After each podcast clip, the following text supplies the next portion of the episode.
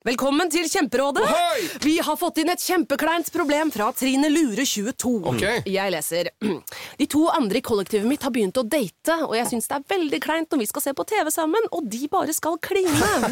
Ok, ja, Yes. Hvordan skal hun løse dette? Siden Trine Lure er under 30, får hun jo ubegrenset data fra Telenor fra 399 kroner. Da Da kan hun sette seg på sitt eget rom, streame så mye hun vil på mobilen. Ja, hun kan jo se på nye mobilabonnement på telenor.no. Ja, det er lurt.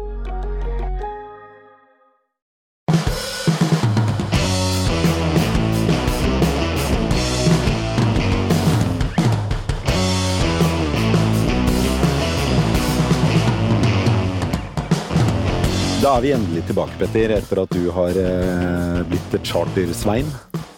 Gratulerer. Takk! Er du fornøyd med å eie 40% av Ving? Først må jeg rydde opp i at det er ikke et chartselskap, det er et reiselivsselskap. Det er et reiselivsselskap, ja. Ja. Men du, da du kom opp på Du pleier å si at du så ut, eh, ser ut som en kombinasjon av, eller en blanding av Kaptein Sabeltann og en Teletubby. Men da du Jack Sparrow. Jeg foretrekker Jack Sparrow Jack Sparrow, ja. og en Teletubby. Men da du kom opp på uh, scenen i- på, på Vings hovedkontor og alle de ansatte der, hva følte du deg som da? Da følte jeg en Det var så mye spenning i kroppen. For det vi gjorde akkurat da, det tror jeg aldri har vært gjort før. For i det eh, klokken ti Det var ikke tilfeldig at vi startet pressekonferansen klokken ti. For klokken ti så åpnet konkursene i selskapene, og akkurat samtidig med det så står jeg der og sier jeg er her på vegne, og vi har kjøpt Ving. Og nå så jeg eh, gjesten vår i dag er meget overrasket, for jeg tror aldri noen har gjort det før. For de som kan rekkefølgen her, er at når konkurs åpnes, så kommer en bostyr, så skal man by, og så skal man velge den som har bydd høyest. Jeg sier basically um, Jeg begynner å spille sjakk og setter deg rett direkte i sjakkmatt. Um, og årsaken var vi var av alle de som var inne og så på, den eneste som sa vi skal ta med alle ansatte, flyselskapet, vi skal garantere for alle reisende som har bestilt, betalt, at de får gjennomført reisene. Hundretusenvis av reisende gjaldt det. Og alle sa at det var en umulig operasjon, og det var ikke mulig å gjennomføre på fire uker. Det trang man seks til tolv måneder. Vi beviste at det var mulig. Men da måtte jeg også fortelle alle at hvis noen andre kommer inn her og skal brekke opp selskapet og slakter og by på enkeltdeler, så skal du stå til ansvar for alt det dere har ødelagt. 60 år med historier, 60 år med et selskap som har levert de fineste ukene på året, og det var det jeg ville. Eh, Lytterne ser jo ikke det, men nå har du jo litt den der misjonerende stilen som du av og til kan få. Og, det, og det, det var det jeg ville til, fordi da du gikk opp på den scenen, så syns jeg du var mer en krysning mellom Jesus og en påskekylling, egentlig. For du hadde på deg en sånn der gul T-skjorte, og du var Ikke noe gull, det var oransje entusiastisk. vingfarver. Var Det det var en oransje? piké fra eh, Vingguidene. Ja. Men det du gjorde, var jo at du, du, du sto der foran de ansatte i selskapet, og på en pressekonferanse som gikk live på mange nettsteder og, og TV-kanaler, og sa at du hadde kjøpt Ving, og så hadde du ikke kjøpt noe som helst. Vi, vi var i ferd med å var- gjennomføre ja. kjøpet av eh, Ja, alt sammen. Men det du gjorde, var vel å si at ved å si at du har kjøpt Ving, og synliggjøre for en hel verden at det, du blir møtt med entusiasme blant de ansatte, så gjør det det umulig for alle de andre som har lyst til å by på Ving, å kjøpe Ving og dele det opp og stykke det opp og, og partere det sånn som mange ville gjort hvis de kjøpte Det ville kjøpte i hvert fall kommet til en enormt høy eh, kostnad. De ville sett skulle- ganske dårlige ut. De ville sett dumme ut. Ja. Og vi visste jo at den eh, vasseste konkurrenten vi hadde, ville gjøre nettopp det. Ja. Og husk, det var ikke tilfeldig at det var på Vings hovedkontor. Det var ikke tilfeldig at det plutselig var mange ansatte der, og Lolly og Bernie og folk i uniformer var der. Og eh, den eh, pressekonferansen var jo nøye regissert, bortsett fra at jeg lagde et litt kaos med å ta Lullo og Børna på scenen, altså disse som er representantene for barna som reiser med Ving, og eh, flycrew opp på banen og opp på scenen og alt sammen. Så det ble jo et organisert kaos, men som han ene i SVT sa, jeg har aldri noensinne vært på en pressekonferanse som dette. Nei, det var, det var litt ko-ko. Det var ikke ko-ko, det var et velregissert teater. ja. Ok, du, eh, vi har jo en eh, helt fantastisk gjest i studio som har vært gjennom ganske mange finansielle transaksjoner opp gjennom årene. Kjent som den smarteste mannen i finans. Eh, Jon Gunnar Pedersen i Arctic Securities, velkommen. Takk skal du ha. Eh, hva tenker du selv om at du omtales som en av de smarteste som er å oppdrive i finansbransjen? Ja, det, eh, punkt én at det ikke er riktig, og punkt to at jeg likevel kan leve med det. Hvorfor, har du, eh, hvorfor tror du at du eh, kalles det? Nei, Det tror jeg bare er fordi det er en type merkelapp folk liker å sette på folk. Og andre er smartere enn meg, kan mer enn meg og har vært mer erfarne og har mer erfaring i bransjen enn jeg har. det, det, den listen tror jeg er veldig kort. For meg, altså, det, her står jeg da overfor en legende. Altså, Mannen er omtalt av alle som det smarteste huet, og det det er jeg enig i, det er mange smarte huer der, men få som har bredden. Ja, men jeg vil si altså et, en en, eh, eh, Mange i finans er jo typisk sånn mattehoder. De er veldig gode til å regne, det er prosenter og brøker, og de er, liksom, de, det er levende kalkulatorer.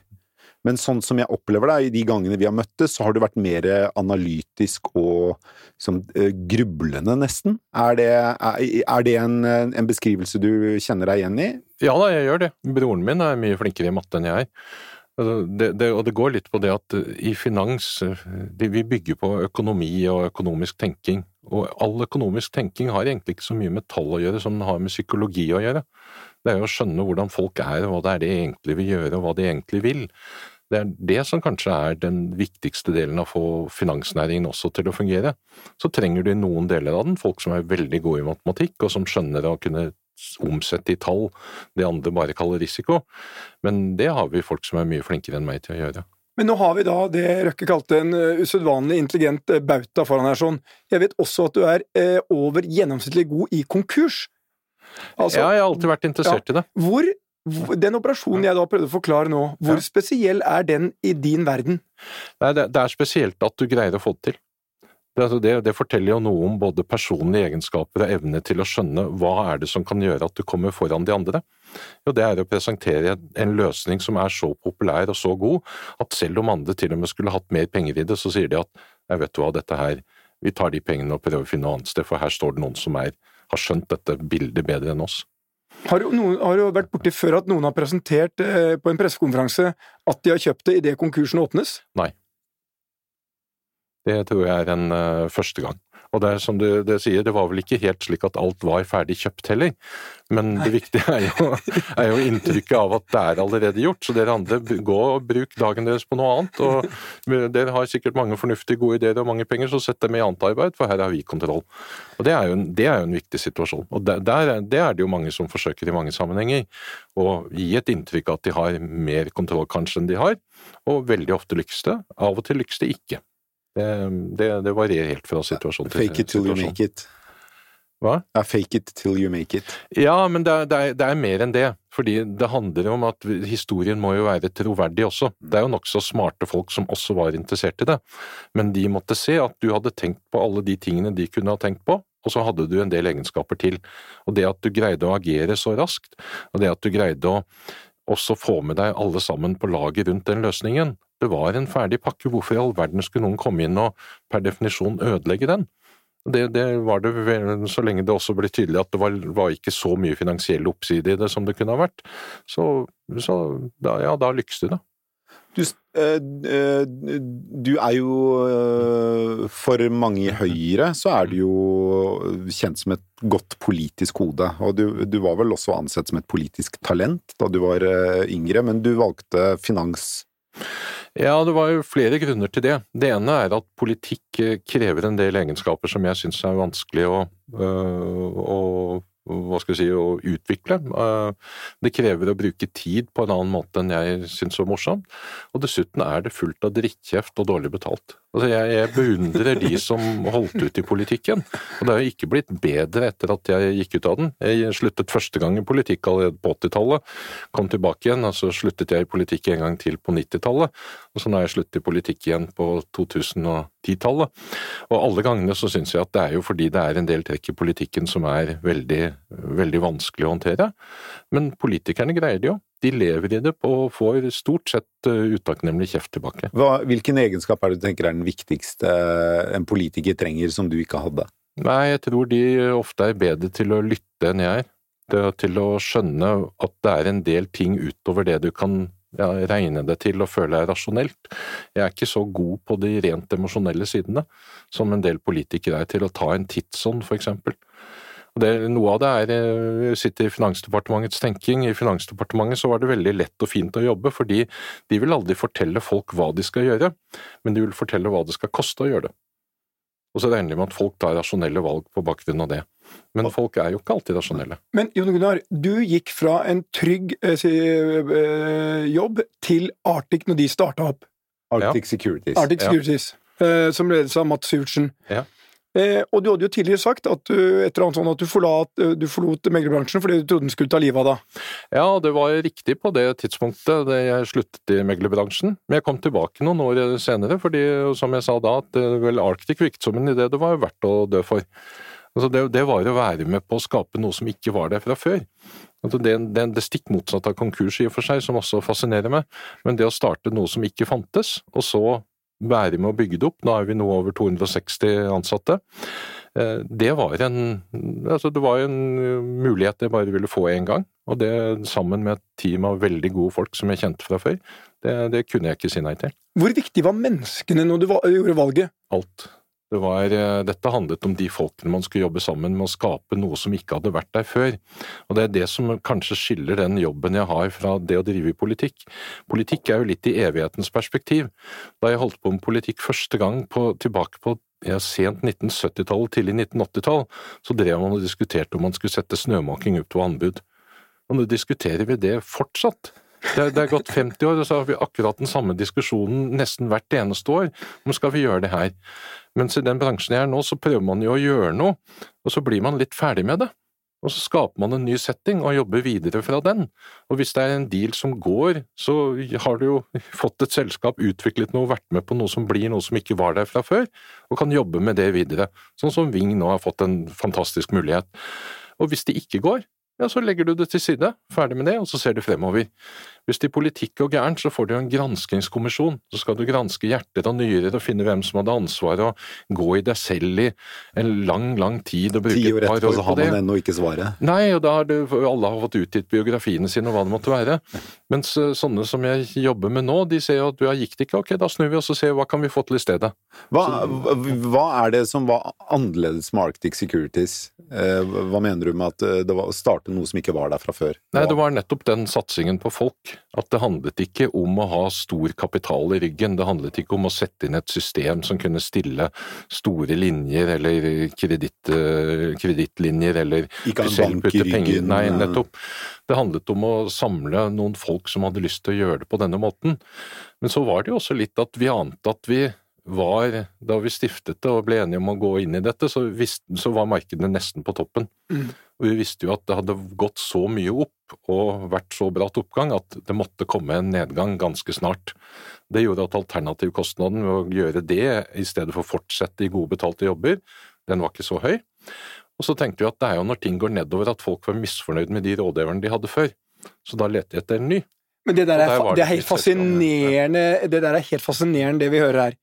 Altså, de går inn når markedet koker, med en idé om at markedet skal ned, og da blir man misfornøyd. Altså, dette er jo helt vakkert. Er jo, men du er jo opptatt av øh, Altså, du er jo ekstremt belest. Men jeg, sånn, jeg vet du er god på kongehistorie. Hvem er favorittkongen din? Ja, det, er, det, er en, det, det er ikke riktig å si at det er en favorittkonge, det er en favorittdronning. Jeg liker dronning Victoria på den tiden hun representerer. Den, de endringene som skjer i samfunnet i løpet av den tiden hun sitter på tronen, og at hun greier å opprettholde en respekt for en fullstendig utdatert statsform gjennom hele den perioden, det synes jeg er imponerende.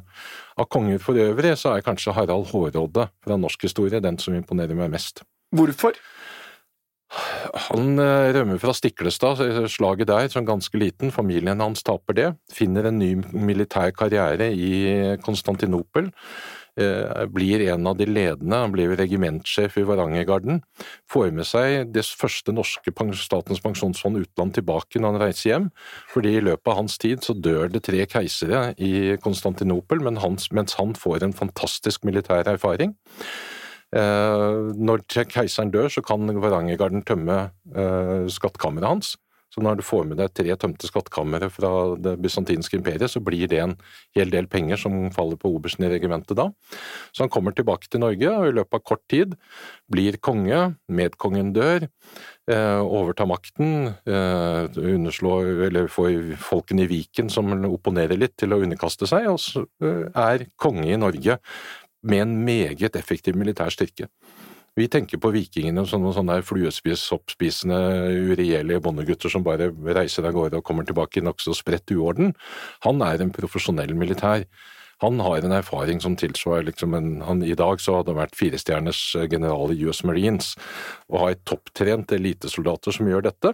Så intet er mer naturlig enn at da den engelske tronen blir ledig, så tenker han at ja, men den kan jo jeg ta. Og det var såpass?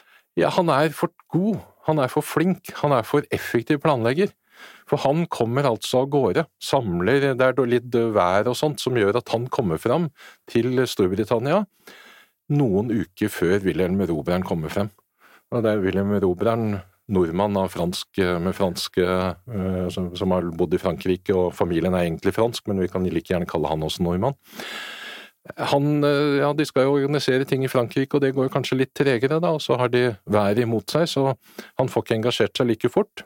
Britene samler en hær. Når nordmennene kommer først, så slår de den hæren. Og når de så Wilhelm Erobreren kommer noen uker senere og lander i Sør-England, så flytter de jo hæren nedover, men da har de allerede nedkjempet en invasjonshær og greier ikke å ta en til. Hadde Wilhelm Erobreren kommet først, så hadde kanskje Harald Hårråde vunnet. Og da hadde du fått begynnelsen på et norgesvelde. Og det, da, da, er det jo mye kontrafaktisk historie om hvordan det hadde sett ut. Tenk på det, Vi hadde styrt Storbritannia, vi hadde hatt Island, vi hadde allerede grunnlagt Dublin, vi hadde funnet Amerika ved det vi importerte tømmer derfra til Grønland og til Island. Dette hadde blitt et nordatlantisk imperium. Jeg føler, meg liksom, jeg, sitter, jeg føler jeg sitter på en skolebenk her og får en forelesning. Ja, det er sjelden vi er så pause i dette. Jeg blir kortpusta liksom, når jeg tenker sånn. Men du er jo, altså, alle vet jo at du er enormt belest. Hvor mange bøker kjøper du i året? Nei, det er noen, noen hundre. Fem, seks, syv hundre, noe sånt. Hvor mange av de leser du? Mm, nei, jeg leser så mange jeg kan. Noen år blir det mange av dem, og andre år ikke fullt så mye. Men du er jo en tallmann. Hvor mange ja. leser du? Ja, hvis du kjøper 600 bøker, leser du 50 av de? Leser du Nei, jeg leser jo mer enn det. Men uh, akkurat, nei, det varierer veldig fra år til år, og bøker til bøker, og hvor mye annet jeg har å gjøre. Det viktige med bøker det er jo ikke å bygge et bibliotek, det er jo ikke at du skal lese alle bøkene. Det er som når du kjøper et pipenøkkelsett, så er det i praksis nummer 13 og 15 du bruker, for det er de tingene på bilen som går mest, vei, mest feil, men du må jo ha sett det fra nummer 7 til nummer 22 likevel. Så det må være Men kan du lese 100 bøker i året? Ja, det er ikke, det er 100 bøker i året er ikke mye bøker å lese. Det, ja, det, det, du er jo eh, partner i Arctic Securities. Ja. Eh, det er jo en bransje som krever mye arbeid i perioder. Ja. Eh, hvordan rekker du å lese alle disse bøkene? Jo, men Å lese bøker er jo ikke arbeid. Nei, jeg, jeg men du, du, det tar jo tid. Er du, er du en sånn hurtigleser? Jeg leser nok ganske fort, ja. Mm. Men, men det, er det, det, er ikke det, det går på. Men det, det, er jo, Hvis du hadde sett i studio, så hadde du jo sett for, andre forskjeller på meg og Petter også. Altså, jeg, jeg, jeg har jo ikke noe på Birken å gjøre.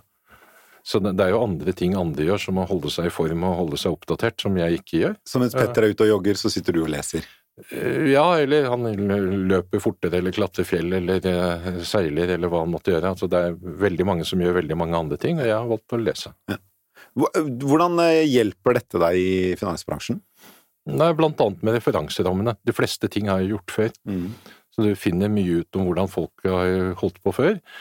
Og så er det igjen det at finans handler ikke da bare om tallene. Du må ha tallene i orden, ellers er det ikke noe poeng å prøve på det. Men det handler veldig mye om psykologi om å skjønne hva er det egentlig, for eksempel når du kjøper en vare, hva er det egentlig du kjøper? Jeg jobber mye med banker og finansnæringen, og de fleste av de varene de selger, det er jo noe du egentlig ikke skal ha. Altså, det er jo ingen som tenker at jeg har lyst på et billån. La meg skaffe meg et billån. Det, det er jo et billån er jo noe du skaffer deg fordi du har kjøpt en bil, mm. eller skal kjøpe en bil. Det er bilen du er interessert i. Lånet er bare et derivatprodukt, altså det avledet av det. Og på samme måte det Petter nå holder på med, det, det er ikke slik at folk kjøper eh, et hotellrom fordi de har så lyst til å ligge på et rom som de leier av noen annen for en enkelt natt.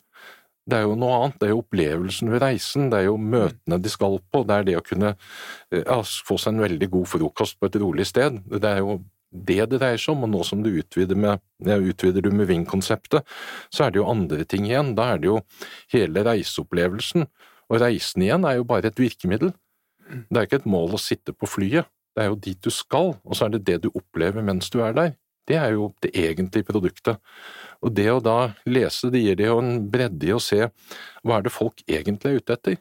Hva er det de vil oppleve i produktet? Og på samme måte i en transaksjon, hva er det egentlig selgeren ønsker å oppnå? Det er ikke alle selgere som bare vil ha maksimal pris. Veldig mange av de forhandlingene vi holder på med når vi selger nå, handler egentlig om å få flere selgere til å bli enige om hvordan de skal opptre og hva de skal selge og om noen skal være med videre. Og på samme måte, hva er det den som kjøper det egentlig kjøper? Det er ikke bare en tallmaskin, fordi alle selskaper handler jo om menneskene som jobber i det. Så det handler jo om å kjøpe en kultur og en måte å være sammen på, og kunne bruke den til noe. Noen ganger så er det rene porteføljekjøp, men de aller fleste transaksjoner så er det jo mennesker som skal være med og bygge et prosjekt videre. Jeg, jeg må si, jeg, jeg, er jo enormt fascinert av, øh, av, det du sier, fordi du er jo hele tiden tilbake, og det tror jeg er overraskende for mange, til kultur og mennesker. Og den, dere, altså de menneskers betydning for å skape suksessene. Det er jo eh, ting jeg har prata om, men som jeg aldri har reflektert over sånn du reflekterer over det. Blant annet, det viktigste i Ving, det var menneskene og kulturen. Ekstremt sterk. Altså, det er et sånn eierskap til de har, de har vært der siden de var Ving-guider, veldig mange av de. Ja, altså fly, fly det kan du jo produsere hele tiden. Det er mange, mange, selskaper i verden som produserer glimrende fly, og noen ikke fullt så glimrende, hele tiden. Så der kan du fylle på med nye hele tiden, og et fly er nå et fly.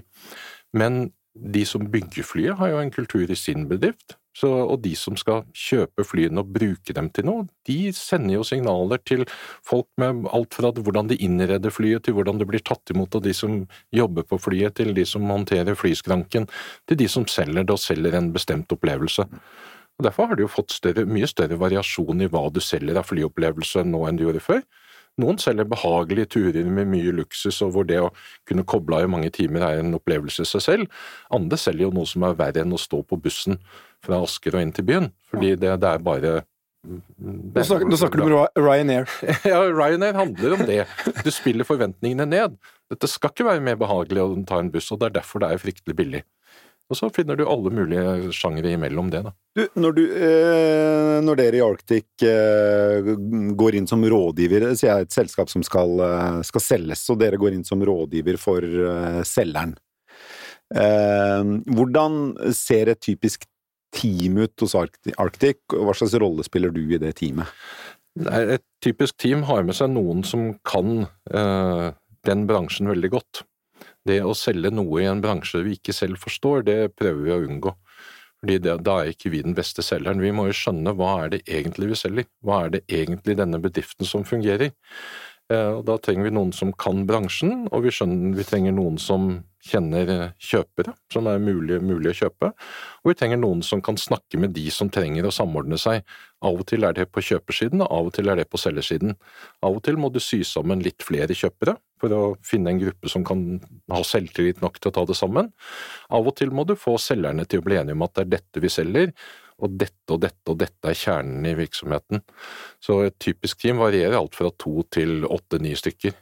Men det er eh, kanskje ikke så kjent, men en av de største mulige eh, fusjonene i norsk historie var jo Telia og Telenor.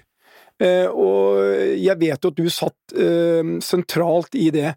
Hva var det som gjorde at, det at, at dette ikke gikk? Det var kultur. Det var en kulturkollisjon mellom to veldig forskjellige måter å drive firmaer på, og hvor man ikke anstrengte seg så mye for å skjønne hvordan den andre parten tenkte om den andre. Det var en fusjon som var godt forankret i viktige deler av organisasjonen, og de jobbet og tenkte ganske mye sammen. Men svenskene har en litt annen beslutningskultur enn vi har i Norge. De har en konsensuskrav som er mye kraftigere enn, vi har. Ja. Og vi, mens vi er mer vant til at enkeltpersoner de tar en beslutning, og det er lettere å få eh, tilgivelse enn tillatelse. I Sverige så tenker de ikke helt på samme måten, og er det ikke skriftlig i kontrakten i Sverige, så gjelder egentlig ikke avtalen. Den, den hva skal vi si, Kristian 5.s lov om at en muntlig og skriftlig avtale har samme verdi, den gjelder i Norge, Danmark, i noen grad i angelsaksiske land, den gjelder ikke på samme måte i Sverige. Så det er en mer formalistisk kultur rundt det. Det skapte frustrasjoner. Og så var det jo det at Telenor var i driv og fremover, og så det, og hadde en leder, Tormod Hermansen, som ga selvtillitsuttrykk for det. Telia var ikke like på hugget, men de følte jo at de, de var det. Det var en diskusjon da helt konkret om hvor senteret for mobilteknologi skulle ligge. Svenskene så på det som en seier, at man til slutt fikk et kompromiss som sa at det skal ligge der det blir viktig å beslutte, etter en kommersiell vurdering. For de mente at den kommersielle vurderingen ville selvsagt de som svare, da ble det Stockholm. Det var ikke tenkelig ut fra deres scenario at det innebar annet enn en ferdig lokaliseringsbeslutning at nå skulle til Sverige, for det vil til enhver tid være mest kommersielt riktig. Og Det var den eh, si, selvtilliten på svensk side og selvtilliten på norsk side som begge knikket seg mot hverandre. Og sett i ettertid så Jeg tror kanskje begge selskapene har tjent på å være konkurrenter også. At de har vokst og blitt interessante konserner begge to, og Telenor eh, med en del mer suksess enn eh, Telia har hatt. Ja, for Telenor er jo i ettertid det selskapet som virkelig har lyktes uh, internasjonalt, mens Telia har slitt en del. Ja, det handler litt om hvem du jobber sammen med, og det handler litt om måten du slipper folk til på. Altså, Telenor har jo tatt noen veldig store veddemål. Noen har gått riktig og skikkelig gærent, og andre har vært fantastisk riktig gjort. Og det, jeg tror det også kanskje er uttrykk for litt av den norske forretningskulturen. At vi er villige til å ta noen store sjanser eh, av og til, og vi slipper til folk som tør å ta sånne sjanser. Og det har, vi jo, har jo Norge lykkes veldig, veldig godt med. Tilbake til de teamene du snakket om, som kan være alt fra to til åtte-ni personer i en sånn en større transaksjon. Eh, hva slags rolle er det du spiller der? Nei, det, det, er dels å være med og passe på at vi får det riktige teamet, og så avhenger det egentlig av bransjen og bedriften om jeg jobber mest med selgerne eller med kjøperne. Så Det er avhengig av hvem jeg har hatt kontakt med og, og, og, sånt. Og så handler det jo om å se hva er strategien i transaksjonen. Igjen, hva er det egentlig vi selger her? Er det en ren portefølje, er det en rent finansiell transaksjon, eller er det en kultur, et oppegående selskap? Og så hvem er det det passer for, og hva er det de kjøperne vil spørre om når de skal kjøpe det? Det? Hvis du skal bestale, kjøpe noe, så er det jo noe du er usikker på. Hva er det egentlig du er usikker på? Og så er det det at de, å se hvor, hvor selvsikre er kjøperne.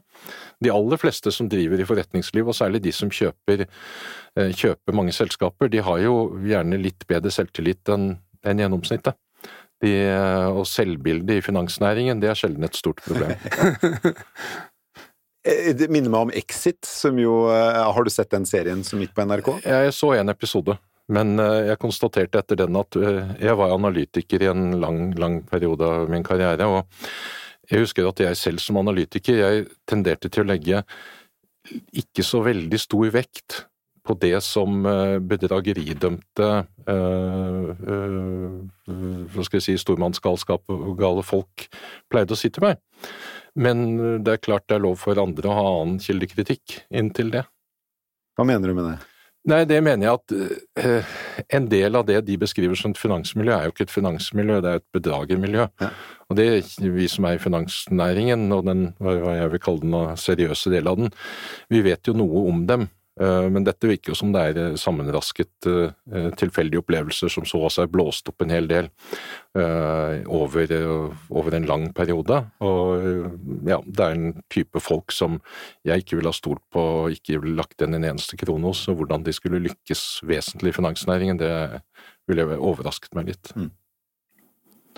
Du kjenner deg ikke helt igjen, med andre ord? Nei, det gjør jeg ikke, og jeg tror ikke det er noen mange som kjenner seg igjen. Men det er mange som har hørt om sånne ting, og så slår du sammen opplevelser av hva som kan tenkes å ha skjedd hvis det hadde sklidd enda litt mer ut enn det egentlig gjorde, i summen av Norge, Sverige, Danmark, eh, Storbritannia og USA, så, blir, så kan det, kan, er det sikkert morsomt. Men det er jo det mest interessante med dette er jo at det er en, det er en underholdningsserie bygget på, bygget på anekdoter fortalt av noen uh, hva skal jeg si uh, lett tullinger. ja, tullinger med høyt selvbilde, og, og vet ikke hvor, i hvilken grad de er straffedømt eller ikke, men har de gjort det de beskriver, så burde de jo vært det.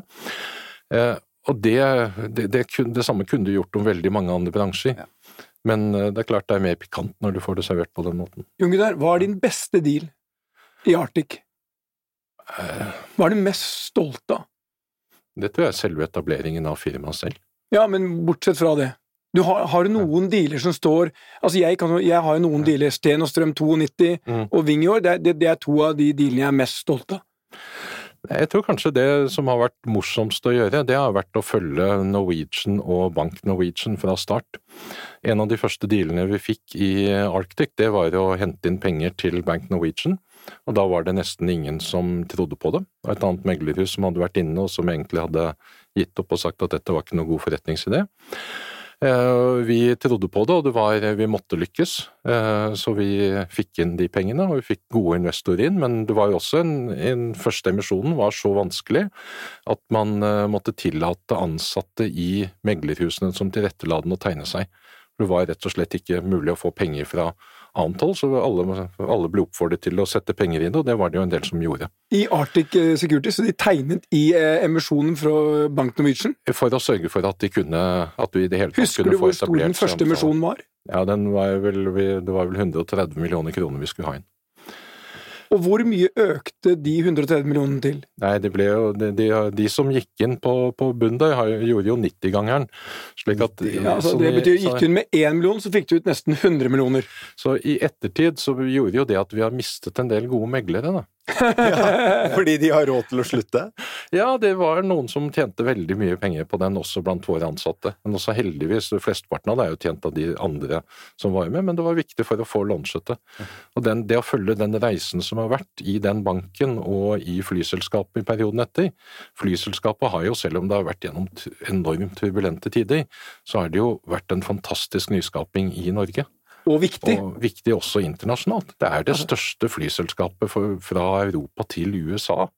Altså, eller over Atlanteren. Det er en, bygd opp i løpet av et tiår. Det er nesten fem millioner passasjerer som reiser over Atlanterhavet hvert år med Norwegian. Det, ja, det er, en, altså, det er en helt fantastisk vekstsuksess. Jeg vil si at akkurat de opplevelsene rundt, eh, rundt Norwegian og Bank Norwegian for meg, så det, det har vært en sånn av disse reisene hvor du føler at du har vært med på noe som ikke var der da du begynte, og nå er det blitt noe.